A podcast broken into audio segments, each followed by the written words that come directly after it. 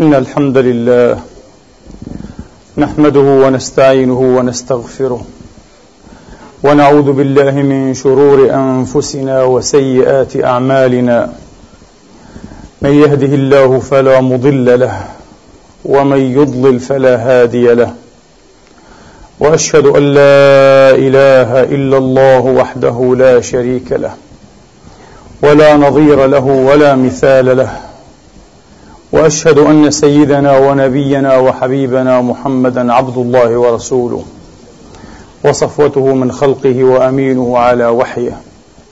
صلى الله تعالى عليه وعلى آله الطيبين الطاهرين وصحابته المباركين المنتجبين واتباعهم بإحسان إلى يوم الدين وسلم تسليما كثيرا. عباد الله أوصيكم ونفسي الخاطئة بتقوى الله العظيم ولزوم طاعته كما أحذركم وأحذر نفسي من عصيانه ومخالفة أمره.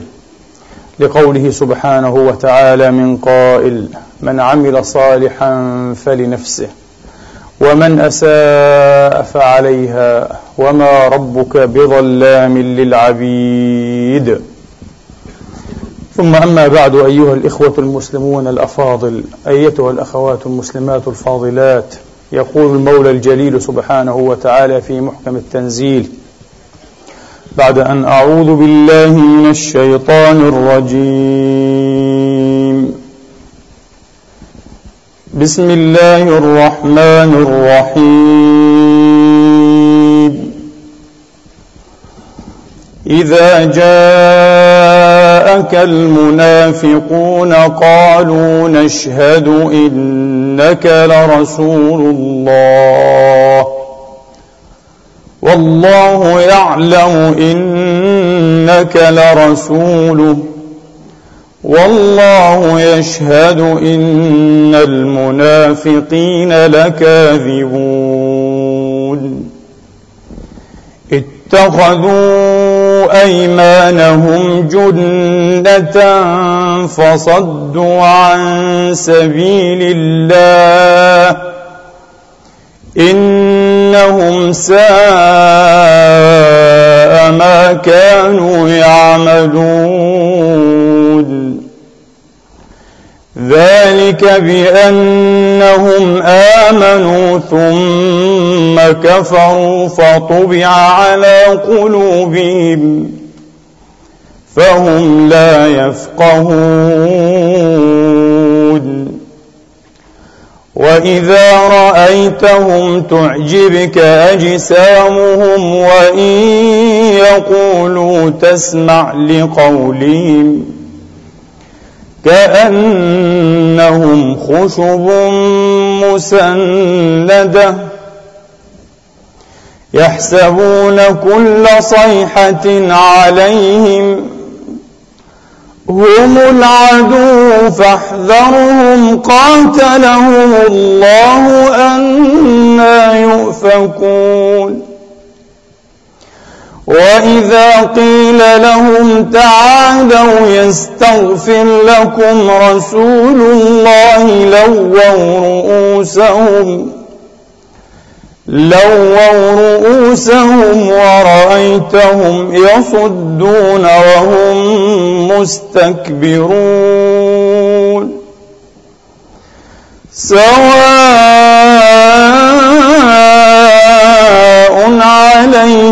أستغفرت لهم أم لم تستغفر لهم؟ لن يغفر الله لهم. إن الله لا يهدي القوم الفاسقين. هم الذين يقولون لا تنفقوا على من عند رسول الله. على من عند رسول الله حتى ينفضوا. ولله خزائن السماوات والأرض. ولكن المنافقين لا يفقهون. يقولون لئن رجعنا إلى المدينة ليخرجن الأعز منها الأذل. ولله العزة ولرسوله وللمؤمنين.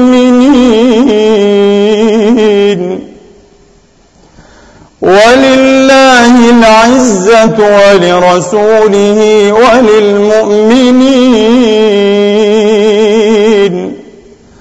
ولكن المنافقين لا يعلمون. صدق الله العظيم وبلغ رسوله الكريم ونحن على ذلك من الشاهدين. اللهم اجعلنا من شهداء الحق القائمين بالقسط.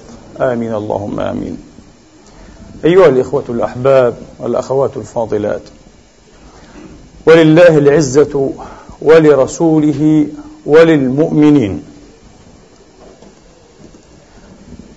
هذه الآية الكريمة خبر وليست إنشاء. إنها خبر من الأخبار الإلهية. وخبر الله على ما تقرر كما تعلمون لا يتخلف. من المستحيل أن يتخلف خبر الله. وعليه أيها الإخوة والأخوات فالمؤمن هو امرؤ عزيز. امرؤ عزيز. بعنوان ماذا؟ بعنوان إيمانه. إذا ثبت له الإيمان لا بد أن تثبت له العزة. محال أن يكون مؤمنا ويكون ذليلا. هناك نقص وثلم أو على الأقل ثلمة كبيرة في إيمانه. أما إن كان مؤمنا استوفى شرط الإيمان وتحلى بحليته وخالطت بشاشته قلبه وفؤاده على أحسن وجه يكون لا بد أن يلفى هذا المؤمن عزيزا. العزة الكاملة العزة التامة بخبر الله سبحانه وتعالى. فما هي العزة؟ من كان يريد العزة فإن العزة لله جميعا.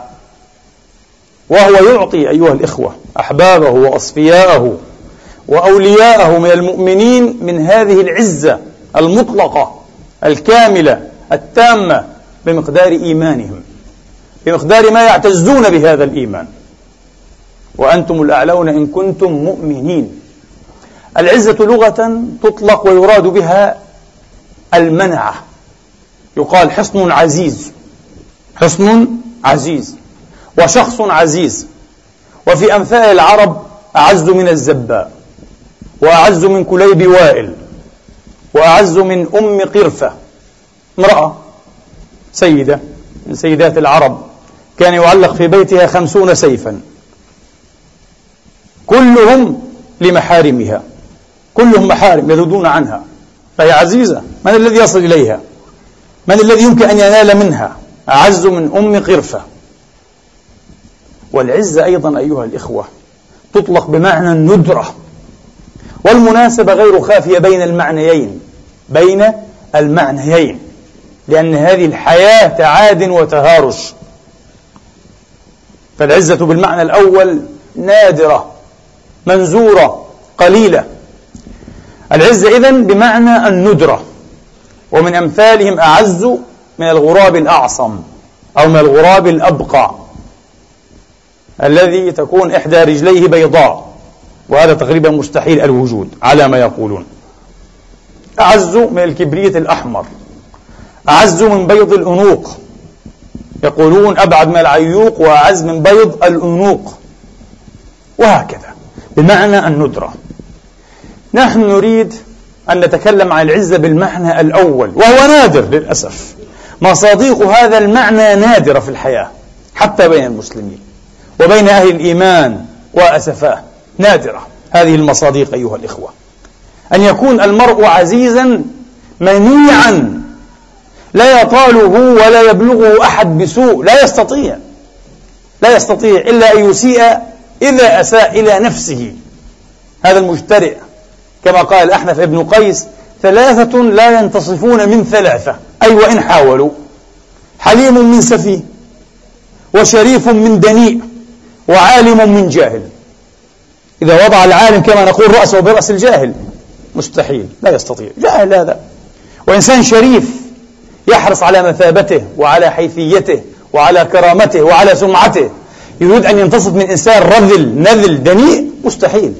لأن هذا الرذل النذل الدنيء لا تهمه سمعته ولا عرض له أصلا أو عرضه دقيق جدا. عرضه ليس بالعرض العريض. والمناسبة واضحة أيضا بين العرض والعرض. ينبغي أن يكون المرء عرضه عريضا لا يستطيع أحد أن يبلغ إليه بسوء. هذا عرضه متخرق. دقيق جدا جدا ليس بشيء كأنه غير موجود. وهكذا والحليم لا يستطيع أن ينتصف من السفيه.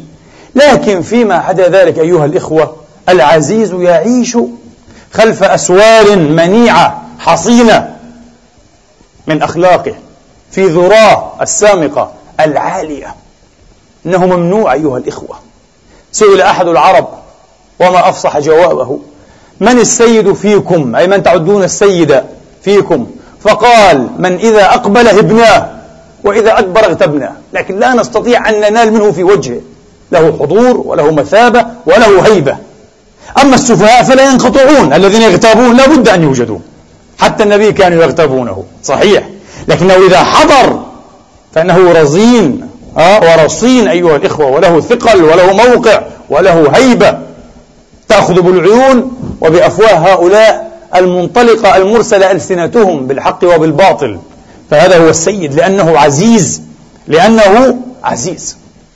هذه الموضوع أيها الإخوة أو هذا الموضوع لا يمكن أن نجد على ما نعلم والله تبارك وتعالى أعلم في تراث العالمين من الأدبيات الدائرة حولها حول هذه الموضوعة أو حول هذا الموضوع ما يمكن أن نجده وهو موجود في تراث المسلمين والعرب حتى العرب في الجاهلية. والله أعلم حيث يجعل رسالته. وقد اختار وقد اختار الله عز وجل هذه الأمة للاطلاع بحمل هذه الرسالة. لأنه يعلم صفات وخصال هذه الأمة الأصلية الراسخة فيها. لكن ما بقي منها الآن إلا الشيء القليل كصبابة الإناء كما يقال. كصبابة الإناء ما بقي منها للأسف الشديد. أدبيات كثيرة جدا. وهذا الدين جاء لأول أيامه حريصا الحرص كله على أن يجعل من أبنائه وأتباعه سادة. يتمتعون بالسؤدد أعزاء لا عبدانا خولا أذلاء من أول يوم. وعلى جميع المستويات. والعجيب أنكم تجدون في تراث النبي المصطفى صلوات الله وتسليماته عليه أيها الإخوة أنه وهذا المعنى يوشك أن يكون متواترا بايع أصحابه فرادى وجماعات غير مرة على معنى هو كما يقال مركز الدائرة وقطب الرحى في موضوع العز هذا بايعهم على ماذا؟ ولنستمع إلى بعض الأحاديث بايع أبا ذر مرة كما أخرجه الإمام أحمد في مسنده وتنبهوا إلى هذا الأسلوب العالي اللطيف في التعليم. قال له يا أبا ذر ستة أيام أي انتظر وتلبث ستة أيام. ستة أيام ثم أعقل ما يلقى إليك بعد يا أبا ذر. أسلوب عجيب. يريد أن يقول له سألقي إليك شيئا خطيرا كنزا من كنوز الوعظ والنصح والوصاة. لكن بعد ستة أيام انتظر حتى يجول خاطره أيها الإخوة. كل مجال وحتى يتوقع كل ما يتوقع. قال فانتظرت ستة أيام. فلما كان السابع أي فلما وجد السابع كان تاما. فلما كان السابع أتيته فقال لي يا أبا ذر أوصيك. بتقوى الله في سر أمرك وعلانيته. أوصيك وهذا خير ما يوصي به مؤمن مؤمنا. ولقد وصينا الذين أوتوا الكتاب من قبلكم وإياكم. ما هي الوصايا رب العالمين؟ أن اتقوا الله. أعظم ما يوصى به. من استوصاك أول ما توصيه به أول ما توصيه به تقوى الله تبارك وتعالى. لا تعدها فليس عنها مندوحة. قال أوصيك يا أبا ذر بتقوى الله في سر أمرك وعلانيته. وإذا أسأت فأحسن. وإذا أسأت فأحسن. ولا تسألن أحدا شيئا. هذه هي الوصايا المرادة أيها الإخوة بأن نركز عليها وأن ندور حولها وأن ندندن حولها. ولا تسألن أحدا شيئا وإن سقط صوتك. أنت تكون على متن دابتك يسقط الصوت. لا تسألن أحدا وإن كان خادمك لا تسأله. افعل هذا الشيء بنفسك. قم بنفسك. ولا تسألن أحدا شيئا. ثم ختمها بقوله ولا تقبضن أمانة. ولا تقبضن أمانة. إياك من الأمانات. دع غيرك يقبضها. دع غيرك يقبضها. ولا تقبضن أمانة. هذه وصيته لخليله أبي ذر رضي الله عنه وأرضاه. وصية أخرى. عن ثوبان مولى رسول الله عليه الصلاة وأفضل السلام. يقول قال لنا رسول الله صلوات الله وسلامه عليه يوما من يكفل لي شيئا من يكفل لي. ما معنى من يكفل لي من يضمن لي أتكفل له به الجنة وأنا أضمن له الجنة في مقابل هذا الشيء. من يضمن هذا الشيء من نفسه؟ فقالوا ماذا يا رسول الله؟ نتكفل بماذا؟ نكفل ماذا؟ فقال ألا تسألوا الناس شيئا. كن عزيزا لا تسأل الناس شيئا لا تطرق ماء وجهك. قم بكل ما تستطيع القيام به وحدك وأمسك عليك كرامتك وماء وجهك. قال ثوبان فقلت أنا يا رسول الله. فقلت أنا يا رسول الله الحديث أخرجه أحمد وأهل السنن إلا الترمذي. وعند ابن ماجه رضوان الله عليه قال زيادة فكان ثوبان إذا سقط صوته لا يطلب من أحد أن يناوله إياه ينزل بنفسه ويأخذ الصوت. وفى لرسول الله بما عاهده وبما تكفل له به وإن شاء الله له الجنة. هكذا.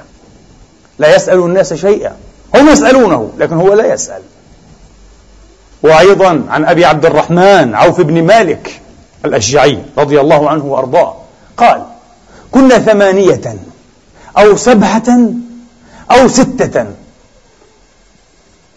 فقال صلى الله عليه وآله وأصحابه وسلم بايعوني قال عوف بن مالك وكنا حديثي عهد ببيعة بيعناها قبل أيام أو قبل فترة قريبة بيعناها على شيء فقلنا يا رسول الله قد بايعناك.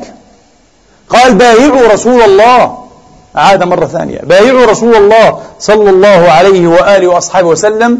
قلنا نعم يا رسول الله فبسطنا أيدينا. فبايعنا. قال بايعوني على ألا تشركوا بالله شيئا والصلوات والسمع والطاعة وأسر كلمة وقال ولا تسألوا الناس شيئا.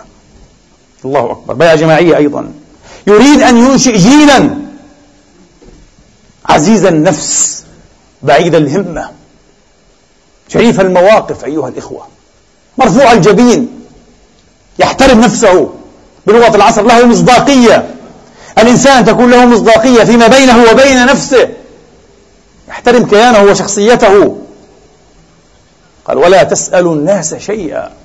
يقول عوف بن مالك رضي الله عنه وأرضاه فلقد كنت أرى الرجل من أولئك من هؤلاء الجماعة الذين بايعوا يكون على ناقته فيسقط صوته فيضرب بذراعها فينيخها ثم يلتقط صوته ما يكلف خادمه أن يناوله الصوت. وعن التابعي الجليل ابن أبي مليكة رضي الله عنه وأرضاه قال لربما سقط الصوت من أبي بكر وهو على ناقته فما يسأل أحدا أن يناوله إياه. ينيخها ثم ينزل ويأخذ الصوت ويأخذ الصوت. فنقول له رحمك الله يا أمير المؤمنين لو أنك أمرتنا فناولناك الصوت. لو أمرت أحدنا فناولكه. فقال لا إن حبي إن حبي عليه الصلاة وأفضل السلام قد أوصاني ألا أسأل الناس شيئا. يا لله يا لله للمسلمين كيف أصبحت أمة محمد عن آخرها أمة شحاذة؟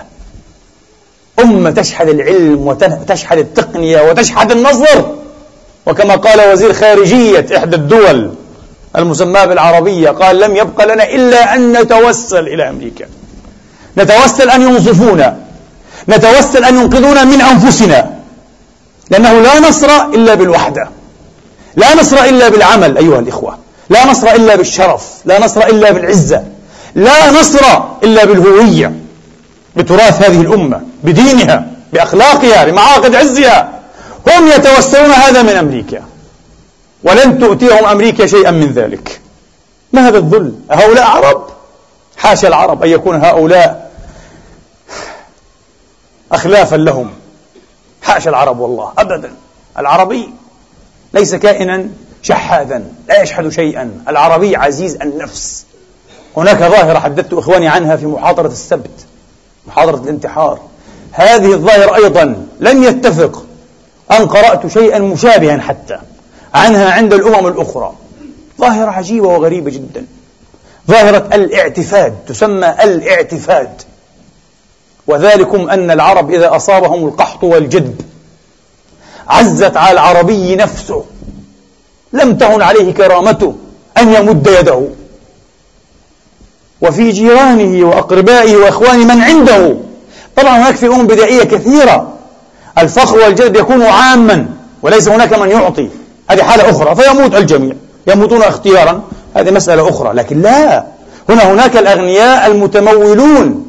أصحاب الثراء العريض وبوسعهم أن يصلوهم بصلة وأن ينيلوهم نولة لكن العربي لا يفعلها.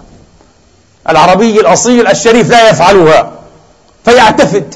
ما معنى يعتفد؟ يدخل بيته ثم يحتضر حضارا من الشجر يعني سورا هكذا. هذا معنى الحظيرة السور. يحتضر حضارا من الشجر ويدخل هو وأولاده وخدمه وكل من في ولايته. ويغرقون على أنفسهم حتى يموتوا من عند آخرهم. نعم. وقائلة ذا زمان اعتفاد ومن ذاك يبقى على الاعتفاد. يقول الشاعر. وقائلة ذا زمان اعتفاد ومن ذاك يبقى على الاعتفاد. يهلك. روى أصحاب التاريخ أن أحد العرب رأى جارية وهي تبكي في الشارع فسألها عما نابها وأصابها فقالت سيدي يريد أن نعتفد. خلاص ما في ما في بقاء بعد الاعتفاد. هذا العربي. ومن أمثالهم أو في أمثالهم تموت الحرة ولا تأكل بثدييها. تموت الحرة ولا تأكل بثدييها. فجاء الإسلام وما زاد هذا الخلق إلا توكيدا. أكد عليه أيها الإخوة. ورسخه وذهب به إلى أمده الأقصى وغايته الأوفى. فكان المسلم هو العزيز حقا مصداقا لقول الله تبارك وتعالى ولله العزة ولرسوله وللمؤمنين. حكيم ابن حزام هذا السيد الجليل السيد الشريف المعمر من معمري الإسلام عاش ستين سنة في الجاهلية وستين سنة في الإسلام ويقال ولد في الكعبة. حكيم ابن حزام رضي الله عنه وأرضاه. وكان في مبدئهم المؤلف قلوبهم. أعطاه الرسول يوم حنين مئة من النوق لكنه حسن إسلامه بعد ذلك ورسخ إيمانه ويقينه. يروي الشيخان البخاري ومسلم عن حكيم رضوان الله عنهم أجمعين قال أتيت النبي عليه الصلاة وأفضل السلام فسألته فأعطاني ثم سألته فأعطاني. يعني في مرات متفاوتة متباعدة. ثم سألته فأعطاني ثم سألته أي الثالثة فأعطاني. ثم قال لي يا حكيم إن هذا المال خضر حلو فمن أخذه بسخاوة النفس أو بسخاوة نفس بورك له فيه. ما هي النفس السخية؟ النفس السخية التي لا تستشرف إلى الشيء. أبدا. هي لا تنتظر ولا تريد وليس في باله. ليس في باله أصلا. النفس السخية هي التي لا تنتظر من الضيف. إذا ضافها أن يأتي بشيء في يده لا تنتظر أبدا وليس هذا على بالها. وربما لا يرضيها ذلك. لكنه التواصل والتراحم. لأنها نفس شريفة. هكذا. ليس الذي ينظر إلى الناس وماذا أعط ويكتب في ورقة هذا أحضر كذا وهذا أحضر كذا. كم كنت أمقت هذه العادة في أهلينا؟ على أن أهلنا إن شاء الله أهل الجود والكرم. أهلنا العرب عموما أهل الجود والكرم. لكن أمقت هذه العادة. يكتبون. لماذا؟ لأن المسألة بحساب. وصلني بعشرة فلا بد أن يصله بعشرة. ليس بتسعة. تصبح مذمة. ويتكلمون. إذا بئس ما أعطى هذا الأول وبئس ما وصل. من كان معطيا فليعطي لله من كان واصلا فليصل لله حتى لا يحبط أجره وعمله. لا ابن عمك لا أفضلت عني في حسب أو قال في نسب ولا أنت دياني فتخزوني. العربي يقول بئس ما أعطى. لربما أعطيت ولم يجد هذا المسكين. فربما دعا لك بظهر الغيب وربما أحسن الثناء عليك. وفي هذا ما يفي على الغاية. ما يزيد؟ قال عليه الصلاة وأفضل السلام. من أعطي شيئا فليكافئ به إن وجد. خلق المسلم وهذا من عزة النفس أيضا. لا يكون كالذي يأكل كما يقال إيش؟ ولا يطعم. ها إنما يأخذ ويعطي. تواصل وبر ومرحمة. فإن استطعت وإن وجدت فلا بد أن تكافئ من أعطاك. وخلق النبي أن تكون المكافأة أزيد دائما. فليكافئ بما أعطي إن وجد. فإن لم يجد فليحسن الثناء. فإن من أثنى فقد شكر ومن كتم فقد كفر. يعلمون النبي أيضا هذا الأدب. عليك أن تثني على من أحسن إليك وعلى من وصلك وأن تذكر هبته وعطيته لأنك لم تحسن مكافأته. لم تجد. عن أبي سعيد الخدري قال رضي الله عنه وأرضاه قال عمر لرسول الله عليه الصلاة وأفضل السلام طبعا أنا متأكد هذا حديث عجيب أيها الإخوة. عجيب لنا نحن العرب المسلمين. فكيف لغير المسلمين لو سمعوا؟ يستعجبون. ما هذه الأخلاق العالية؟ ما هذه الذوق السامقة هذا التعليم المحمدي أيها الإخوة. هذه المدرسة المصطفوية لو تخرجنا منها لو أحسننا أن نتخرج منها وأن نتخرج برسول الله. لكن ما أظننا للأسف. العرب المعاصرين المسلمين المعاصرين ما أظنهم تخرجوا جيدا من هذه المدرسة. ولا على يد هذا المعلم الكبير عليه الصلاة وأفضل السلام. وسنرى كيف. قال عمر يا رسول الله إن فلانا وفلانا يحسنان الثناء. يعني عليك يا رسول الله. يذكران أنك أعطيتهما دينارين. فتكلمان. الرسول ما شاء الله عليه كريم الرسول إنسان عظيم. طيب أعطانا دينارين. وسر النبي بذلك. فقال وهو, وهو الذي علمنا أن نكون كذلك. أن نشكر من أولانا نعمة أو أسدى إلينا صنيعا أو أسلف معروفا ويدا بيضاء. فقال عليه الصلاة وأفضل السلام ولكن فلانا والله ما هو كذلك. أسلوب عجيب فصح الرسول هذه. ولكن فلانا والله ما هو كذلك. قد أعطيته ما بين العشرة والمئة فما أثنى بشيء. والنبي غاضب عليه. لماذا هذا الجحود؟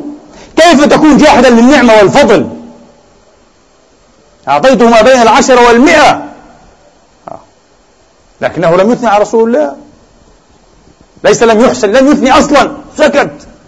ثم قال عليه الصلاة وأفضل السلام والذي نفسي بيده إن أحدكم لا يأتي يخرج ومسألته تحت إبطه تأبطها نارا.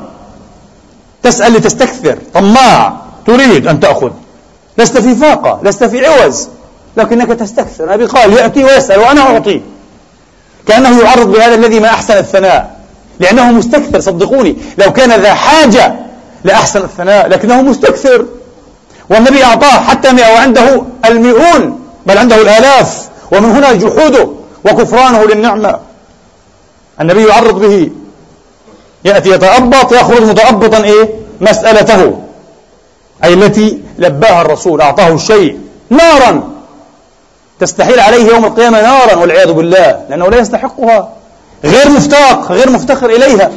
فقال عمر فقلت يا رسول الله فلم تعطيهم؟ لماذا تعطيهم إذا كانت نارا؟ في هذا أذية وضرر. قال يأبون علي ويأبى الله لي البخل.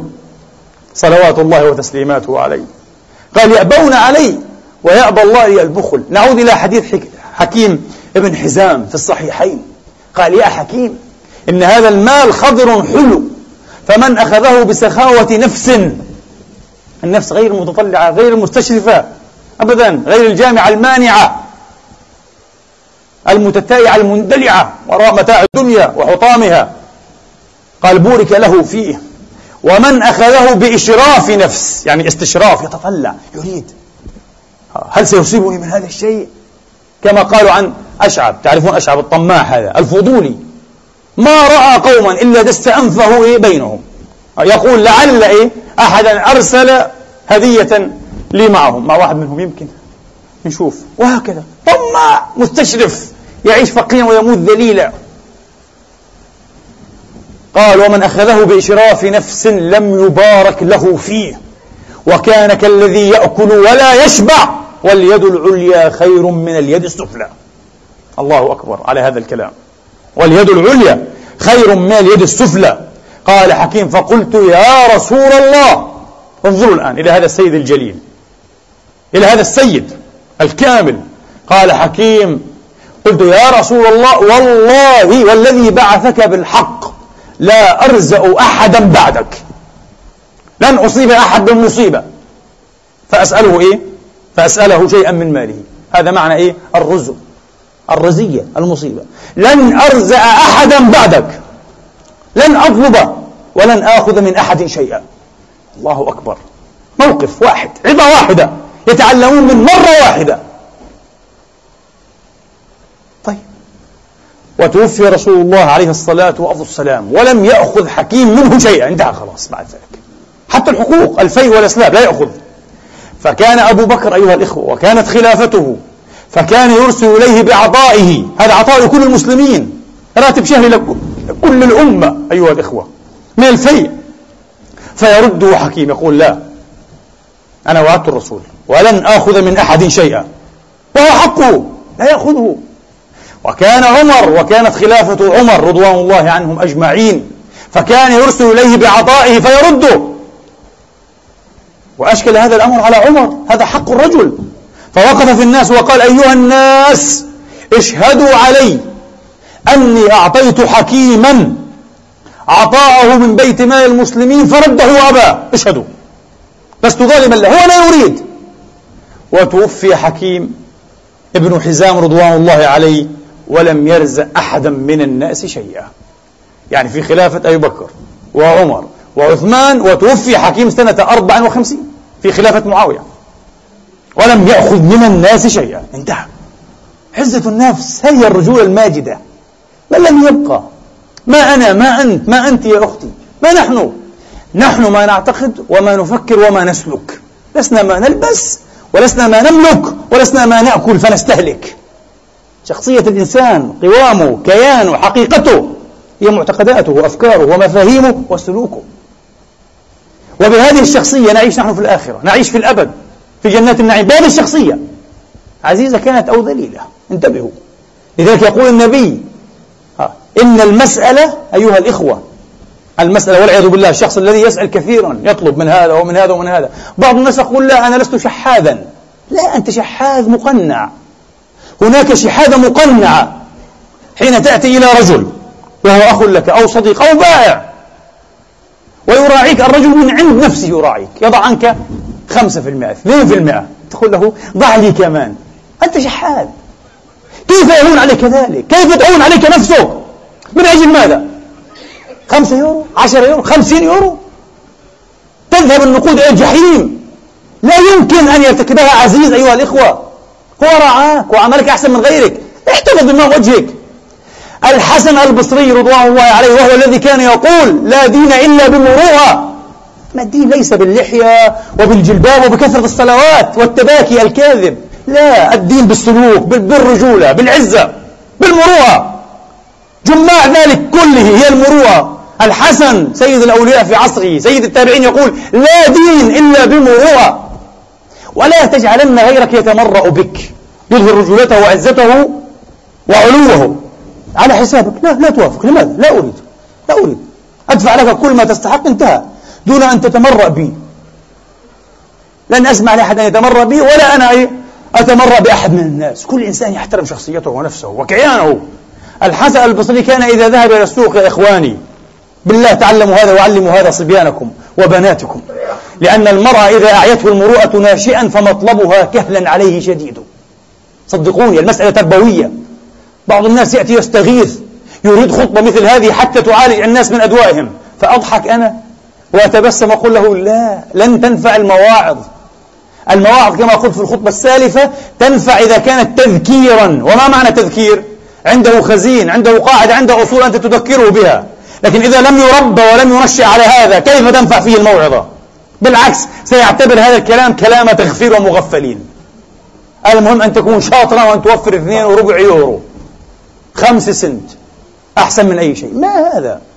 الحسن البصري كان إذا غدا إلى السوق واشترى سلعة أيها الإخوة والأخوات بدرهم إلا دانق أو بثلاثة دراهم إلا دانق أكملها ثلاثة هو الذي يكمل. لا يقول له اجعلها باثنين ونصف يقول لا هي بثلاثة خذ ثلاثة. وإذا اشترى سلعة بتسعة ونصف يجعلها عشرة. ويقول لا دين إلا بالمروءة.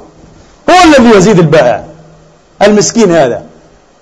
وكان الحسن البصري يقول كنا نبخل من يقرض أخاه. انتبهوا. طبعا في الحقيقة نحن بين الأخوة العامة لكن الأخوة الخاصة الموعود عليها بجزاء يغبط عليه النبيون والشهداء. ليست هذه الأخوة التي بيننا جميعا. نحن معارف. نحن أصحاب أصدقاء. الأخوة شيء ثقيل جدا جدا. نسأل الله أن يرزق كل واحد منا بأخ صادق واحد. إذا أمكن وهذا صعب جدا جدا. ستعلمون لماذا؟ فكان يقول حسن كنا نبخل من يقرض أخاه. ما معنى ذلك؟ يعني إذا جاءك أخوك محتاجا معزا وتعطيه قرضا بخيل أنت. أعطيه هبة هذه هبة هذا قرض؟ يا بخيل. هكذا كانت أخلاقهم. وكانوا يعدون مما ينافي المروءة أن يربح الرجل على صديقه. مش أخ صديق. عندك صديق؟ ما تربح عليه. أعطيه برأس المال. صديق هذا. أربع الناس الغروب الأجانب. الذين لا تعرفهم جيدا لكن صديق وتلتقيه كل يوم الثاني أعطيه برأس المال. مما يخرم المروءة أن تربح على صديقك. هناك من يربحون على إخوانهم. إخوان في الله أعزاء يربح عليه ويستغله. ما هذا؟ ما في مروءة لأنه ما في تربية ما في أصل. قال كنا نبخلهم. كانوا يبخلون هذا الذي يقرض. انظروا إلى الرجل الكبير الذي يقول وإني لأستغني فما أبطر الغنى. وأعرض ميسوري على مبتغي قرضي وأعسر أحيانا فتشتد عسرتي وأدرك ميسور الغنى ومعي عرضي وما نالها حتى تجلت وأسفرت. أخو ثقة مني بفرض ولا قرض. الله أكبر. إن الرجل الكبير متماسك. أنه متحامل على جراحه أيها الإخوة. متماسك وعنده من اليقين بالله تبارك وتعالى ورصيد عزة النفس وعلو الهمة وشرفها ما يجعله لا يستجدي حتى من أخ الثقة من أخ عزيز وأخ في الله. لا يطلب إليه شيئا. يحسبهم الجهل أغنياء من التعفف. الله يحب هؤلاء. الله يحب هؤلاء المستعفين المتعففين. وفي الصحيح ومن يستعف يعفه الله وما أعطي أحد شيئا. خيرا وأوسع له من الصبر. اصبر اصبر ستنجلي إن شاء الله. عما قريب تنجلي هذه الأشياء. اليوم فقير غدا غني. اصبر وتعفف. ولا تطمع. ولا تستشرف نفسك إلى ما عند الناس. قال سعد كما رواه الحاكم والبيهقي أتى رجل النبي عليه الصلاة وأفضل السلام فقال يا رسول الله أوصني وأوجز. أوصني واختصر. أوصني وأوجز. فقال عليه الصلاة وأفضل السلام عليك بالإياس مما في أيدي الناس. أول وصية. وإياك والطمع فإنه الفقر الحاضر. تريد الفقر؟ اطمع. يفقرك الله. لا تطمع فيما عند الناس. لقد قال آخر معجزة صوفية في وادي النيل. ابن عطاء الله السكندري وهذا لقبه. هكذا عرف بآخر معجزة صوفية أنبتها النيل. قدس الله سره ما بسقت أغصان ذل إلا على بذور طمع. والذل عكس ماذا؟ عكس العز. أبدا. فإنهما لا يلتقيان بل يفترقان أبدا. الطمع والعز أيها الإخوة. لا عزيز طامعا. لا عزيز من الناس طامعا. أبدا. العزيز لا يطمع ولا يستشرف بل هو سخي النفس. بل هو سخي النفس. ورضي الله عن إمامنا أبي عبد الله الشافعي الذي لقن الناس دروسا في عزة النفس في شرف وبعد الهمة وفي احترام الشخصية. وهو القائل قدس الله سره الكريم أبو عبد الله الشافعي قال لو علمت أن شرب الماء البارد يسلم مروءتي ما شربته يعني ينقص من احترام الناس من مروءتي من مصداقيتي شرب الماء البارد لن أشربه. الله أكبر. والله لقد أدركت أناسا أيها الإخوة نساء. نساء أعرف نساء سبحان الله. هذه التربية القديمة. تربية الأميين لكنها تربية الأحرار. فما نفعنا العلم مع هذا الذل الذي نحن فيه ومع هذه الهشاشة في الشخصية والسلوك. ما نفعنا بشيء للأسف الشديد. جيدة من أجل كلمة بسيطة أيها الإخوة. كلمة بسيطة هينة. حلفت على شيء ألا تأكله فما أكلته بعد. وهذا حرام في الشرع. لا تحرم طيبات ما أحل لكنها عزة النفس. من أجل هذا الشيء؟ فلن آكله قالت حتى أموت. عزة. عزة نفس أيها الإخوة. حرمت نفسها مما أحل الله لكي تحترم شخصيتها وتحوط كرامتها وهيبتها. امرأة ليست رجلا. أتظنون من ربي على هذه التربية أو هذه التربية أه؟ عزيز النفس شريفها. يمكن أن يخون أمته؟ يمكن أن يبيع إخوانه؟ يمكن أن يصوم على وطنه وترابه ومقدساته؟ لذلك جزء كبير لا شك ولا ريب من أزمتنا من أعلى مستوى إلى أدنى مستويات أزمة أخلاقية. جزء نعم جزء من أزمتنا أزمة أخلاقية. هناك أزمة في الأخلاق موجودة. لدى العرب المسلمين للأسف الشديد. الشافعي يقول هذا قال ولو كنت ممن يقول الشعر اليوم لرثيت المروءة. أنا قال كففت عن قول الشعر. لكن لو كنت أقول الشعر اليوم لرثيت المروءة وقد فعلها غيره. مررت على المروءة وهي تبكي. فقلت علامة تنتحب الفتاة. فقالت كيف لا أبكي وأهلي جميعا؟ دون خلق الله ماتوا لماذا؟ ما في. لا يبقى أحد من أهل المروءة فأبكي. قالت المروءة أبكي على نفسي. تيتمت وترملت. ثكلى حزينة. الشافعي رضوان الله تعالى عليه أيها الإخوة.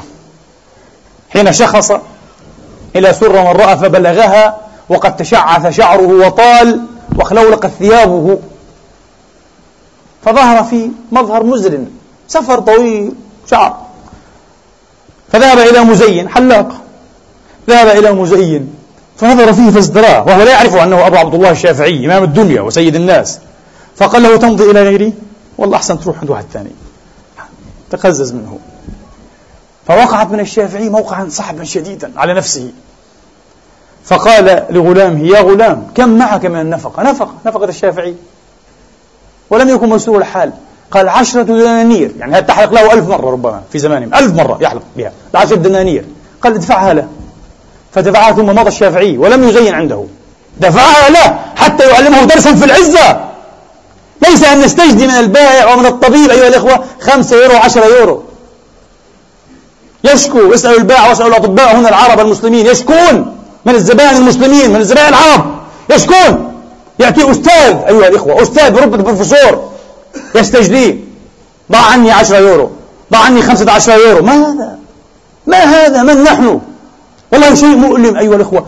مؤلم أشد الألم هذا. أشد الألم. فأعطاه عشرة دنانير. ثم قال الشافعي قال علي ثياب. لو تباع جميعها بفلس نسميه الفلس يعني وهو بفلس لكان الفلس منهن أكثر. وفيهن نفس في داخل هذه الثياب نفس نفس أبي عبد الله الشافعي. وفيهن نفس لو تقاس ببعضها نفوس الورى كانت أجل وأكبر. كانت أجل وأكبر. وما ضر النصل إخلاف جنده. الغلاف تبع السيف. يكون خلقا باريا لكن النصل ما شاء الله. إذا كان عضبا حيث وجهته فرى. إذا كان الزمان أزرى ببزتي بثيابي. فكم من نصل في غلاف مكسرة. الله أكبر. الله أكبر يا أستاذ الدنيا. هذا الشافعي. لك لقد انعكست هذه النفسية وهذا المزاج العزيز الكريم على فقه أبي عبد الله الشافعي في الفقه. فنقرأ في فقه أيها الإخوة في كتاب الطهارة. أن من انقطعت به السبل وليس على ماء وليس لديه ماء يتيمم. قال فإن قيل فمع بعض الرفقة أو الصحبة شيء من ماء قال لا أستحب له أن يتوضأ به كراهة المنة. تيمم ولا تسأل. لماذا تقول له أعطيني شيئا من الماء أتوضأ؟ فتصبح له منة عليك. لا, لا تجعل له منة عليك. الله أمن وأسبق لا إله إلا هو. حاول. النبي علمنا هذا المنطق. قال عليه الصلاة وأفضل السلام ولا تحمدن أحدا على فضل ساقه الله إليك. حتى على يده. هل النبي في هذا الحديث أيها الإخوة وبهذا الحديث يعلمنا كفران النعمة وجحود الصنيع وازدراء الفضل لأهله؟ كلا. كيف هو القائل؟ كما رواه الترمذي من لا يشكر الناس لا يشكر الله. أبدا. لم يقل هذا. وإنما أراد النبي أن يعلمنا ويعلم من وصلنا بصلة أو نوال. أنه ما ينبغي له أن يستعبدنا. بسبب هذه المنة والفضل. وما ينبغي لنا أن نصبح خولا لعباد الله لأن لهم علينا فضلا. لك فضل أشكره وأحسن الثناء لكن لا تستعبدني. الله أمن وأسبق بالفضل لا إله إلا هو. هكذا يعلمنا النبي محمد عليه الصلاة والسلام. ونقرأ في كتاب الحج للإمام الشافعي أنه أفتى بكراهة أن يحج المسلم. لم يقل باطل فاسد لا. إنما قال مكروه قال لا أحبه. أن تحج بمال أهدي إليك. الحج صحيح لكن الشافعي يقول لا لا أحبه لك. لماذا يا إمامنا؟ لماذا؟ قال خشية المنة لماذا يتمنن عليك؟ لا تحج اجلس في بيتك. ولذلك أيها الإخوة عرفت كتب الطبقات والتواريخ جملة من أعاظم الأئمة لم يحجوا بيت الله. مثل سيد الأئمة والأولياء في عصره أبي إسحاق الشيرازي قدس الله سره. قيل في حق هذا الإمام الشافعي الجليل الذي كان الوزير السلجوقي الكبير نظام الملك يصب الماء على يديه يغسلهما فيقول له جزاك الله خيرا. ويفعل ذلك الغلام فيقول له جزاك الله خيرا. قال أنصفوني من رجل أصب عليه أنا الماء فيقول جزاك الله خيرا. ويصب الغلام فيقول جزاك الله خيرا. أخلاق منك إيش أعبدك يعني؟ أمير أمير تبقى أميرا أنت تبقى وزيرا بس جزاك الله خيرا ما في أكثر من هيك. وأنا عالم وإمام لي مكانتي هذا الإمام قيل عنه أنه كان إذا استقبل القبلة فإن الكعبة تتبدى له أمامه في قبلته. صاحب سر باتع كما يقول المصريون سر نفاذ كاشف. مات ولم يحج بيت الله. لماذا؟ لم يتيسر له النفقة الزوج ولم يسأل أحد من الناس لا الوزير ولا غيره ما يحج به ولم يقبل من أحد شيئا. ما في مشكلة. أموت وأنا شيخ الإسلام لكن لا أسأل الناس شيئا. الإمام الشافعي أيضا نظر إليه مرة أحدهم وازدراء فقال الشافعي أمطري لؤلؤا جبال سرنديبا وفيض آبار تكرور كبرا أنا إن عشت فلست أعدم قوتا وإذا مت الموت محقق لذلك قال إذا لم يقل إن. وإذا مت لست أعدم قبرا. همتي همة الملوك ونفسي. نفس حر ترى المذلة كفرا. الكفر عندي هو الذل قال. الكفر عندي هو الذل أن يعيش المرء ذليلا. فمن هؤلاء وعلى أيدي هؤلاء وعلى تراث هؤلاء المبارك الطيب الطهور علينا أن نتعلم وأن نتخرج أيها الإخوة. فإن لم نفعل أو قصر بنا الزمان علمنا أولادنا. ونشأنا إيه؟ أبناءنا وبناتنا على هذه الأخلاق العظيمة أيها الإخوة. لكي نحيي ما مات من معالي الأمور التي يحبها الله ونميت ما أحيينا بوضاعتنا من سفاسفها المرذولة التي يبغض الله. أقول هذا القول وأستغفر الله لي ولكم فاستغفروه.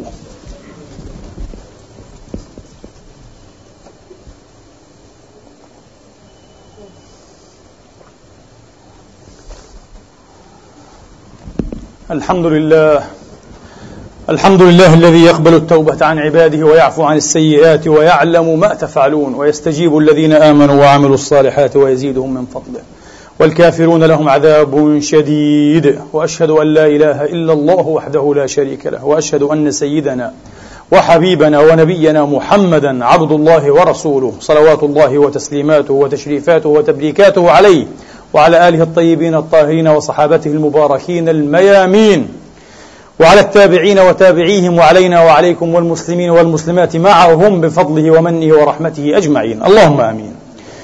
الإمام سفيان بن عيينة شيخ البخاري وشيخ مشايخ مكة في عصره يقول لقد رأيت مسارقا الوراق. أو قال لقد سمعت مسارقا الوراق وهو يقول إني لأستحيي أن أقول لأحد أحبك في الله ثم أبخل عليه بعد ذلك بمالي. ما في دعاوى عريضة؟ أحبك. إذا قلت لأحد أحبك في الله انتهى خلاص هذا أخ الآن. قال ثم أبخل عليه بأي شيء مالي أستحي قال وفي هذا المعنى اللطيف قال آخر عجيب معنى عجيب. كيف يتفطنون هذه الدقائق؟ فتوحات إلهية. قال إني لأستحي من الله عز وجل أن أسأل أحد من إخواني الجنة ثم أبخل عليه بالدنيا. معنى أدعي أنني أحب له الجنة. الجنة موضع صوت أحدنا في الجنة خير مما طلعت عليه الشمس. طب أنت تزعم له الجنة ولا تعطيه بعض ما عندك من دنيا وتزعم أنك أخ وتزعم أنك صادق في دعائك وتقول له أدعو لك بظهر الغيب. كلام فارغ. كانوا يفهمون معنى الأخوة ومعنى الدعاء ومعنى الدعوة ومعنى الكلام. كانوا يفهمون معنى القضايا. نحن أمة كلام أمة إنشاء أيها الإخوة. تعلمناه في المدارس الإنشاءات المحفوظة. كل شيء ديباجات تحفظ. وحياتنا هكذا ديباجات كاذبة زائفة محفوظة. من هنا أيها الإخوة بعض ما نحن فيه للأسف الشديد. فنسأل الله تبارك وتعالى أن يصلحنا ويصلح بنا. وأختم بهذه القصة العجيبة عن هذا الصحابي الجليل سعيد ابن العاص الأموي وهو سعيد ابن العاص ابن سعيد ابن العاص ابن أمية ابن عبد شمس الذي ولد في السنة الأولى الهجرة وقيل عام الهجرة ذاتها. الإمام علي قتل أباه في بدر كما تقرؤون معروف. أبوه قتل على الإمام علي. هذا الصحابي الجليل واستخلفه عثمان على الكوفة بعد أن عزل عنها أخاه لأمه. أخ عثمان أعني لأمه الوليد بن عقبة بن أبي معيط. استخلفه هناك. كان سيدا سؤدد أيها الإخوة وكرم من أشراف قريش وفصحائهم وأجوادهم. شخص عجيب عزيز النفس بعيد الهمة. رآه أحدهم أحد الناس أحد العامة يمشي مرة وقد خرج من المسجد وحده فجعل يمشي إلى جانبه. وهو ساكت عنه لا يريد أن يحرجه. فلما بلغ به البيت أو بلغ معه البيت قال له يا أخي ألك إلي حاجة؟ ربما تريد شيئا. فقال لا لكنني رأيتك تمشي وحدك فوصلتك. أخلاق أريد أن أنسك. تمشي وحدك كأنك مهمومك فأنا قلت أمشي معك. فأعجبته. فقال لقهرمانه اللي هو خازن إيه المال يعني. يا فلان كم عندك؟ قال ثلاثون ألفا قال ادفعها إليه. ثلاثون ألف. عن أكثر الآن ربما إلى 130 ألف يورو أكثر. أكثر بكثير. ثروة كانت ثروة حقيقية تغني الإنسان. قال ادفعها إليه. ولما احتضر رضي الله عنه وأرضاه هكذا. هكذا يشتري عزة نفسه وكرامته وحسن سيرته وحدوثته. بالفعال لا بالكلام بالفعال أيها الإخوة. فأين من هؤلاء من يبذل أيها الإخوة ماء وجهه وكرامته وعزته لقاء عشرة يوروات أو أقل أو أكثر؟ ما هذا؟ ما هذا؟ المهم فلما احتضر رضوان الله تعالى عليه سعيد بن العاص قال لبنيه يا بني من يتقبل عني وصيتي؟ فقال ابن الأكبر أنا يا أبا أنا يا أبا. قال في هذين. قال كم يبلغ؟ قال ثمانين ألف دينار. ثمانين ألف دينار أضرب في خمسة عشر درهم. شيء عجيب يعني كثير جدا فوق المليون. درهم فضي ثروة هائلة جدا. ثمانين ألف دينار أكثر من ثمانين ألف عثمانية في العهد العثماني الذهبية أكثر. ثروة كبيرة جدا. قال يا أبا وكيف تجشمت هذا؟ من أين؟ قال يا بني دفعتها لكريم. دفعتها لكريم أسد بها خلته. أو لرجل جاءني في بيتي قد انزوى ماء قد انزوى دمه عفوا في وجهي يعني احمر وجهه خجلا. دمه كله انتقع في وجهي قد انزوى دمه في وجهه. فبادرته بمسألته قبل أن يبادرني حتى لا أخجله. قبل أن يتكلم أنا قلت له يا أخي أنا عندي كذا وسأعطيك كذا وكذا. رضي الله عن هذه النفس الشريفة وعن أمثال هذا الصاحب الجليل وحاشنا الله معهم وسلك بنا سننهم. اللهم إنا نسألك أن تصلحنا وتصلح بنا وأن تهدينا وتهدي بنا. اللهم عد بنا إلى الإسلام عودا حميدا. اللهم اغفر لنا ولوالدينا وللمسلمين والمسلمات المؤمنين والمؤمنات الأحياء منهم والأموات. اللهم إنا نسألك أن تجعل تجمعنا هذا تجمعا مرحوما وتفرقنا من بعده تفرقا معصوما. لا تدع فينا شقيا ولا مطرودا ولا يائسا ولا بائسا ولا محروما. وأفضل علينا وأسبغ علينا من نعمك يا رب العالمين يا غفور يا رحيم. اللهم إنا نسألك ونبتهل إليك ونضرع أن تنصر الإسلام وأن تعز المسلمين وأن تعلي بفضلك كلمتي الحق والدين. اللهم انصر من نصر المسلمين واخذل من خذل الموحدين. إلهنا ومولانا رب العالمين. عباد الله إن الله يأمر بالعدل والإحسان وإيتاء ذي القربى. وينهى عن الفحشاء والمنكر والبغي يعظكم لعلكم تذكرون. اذكروا الله العظيم يذكركم واشكروه على نعمه يزدكم وسلوه من أفضاله يعطكم. وقوموا إلى صلاتكم يرحمني ويرحمكم الله.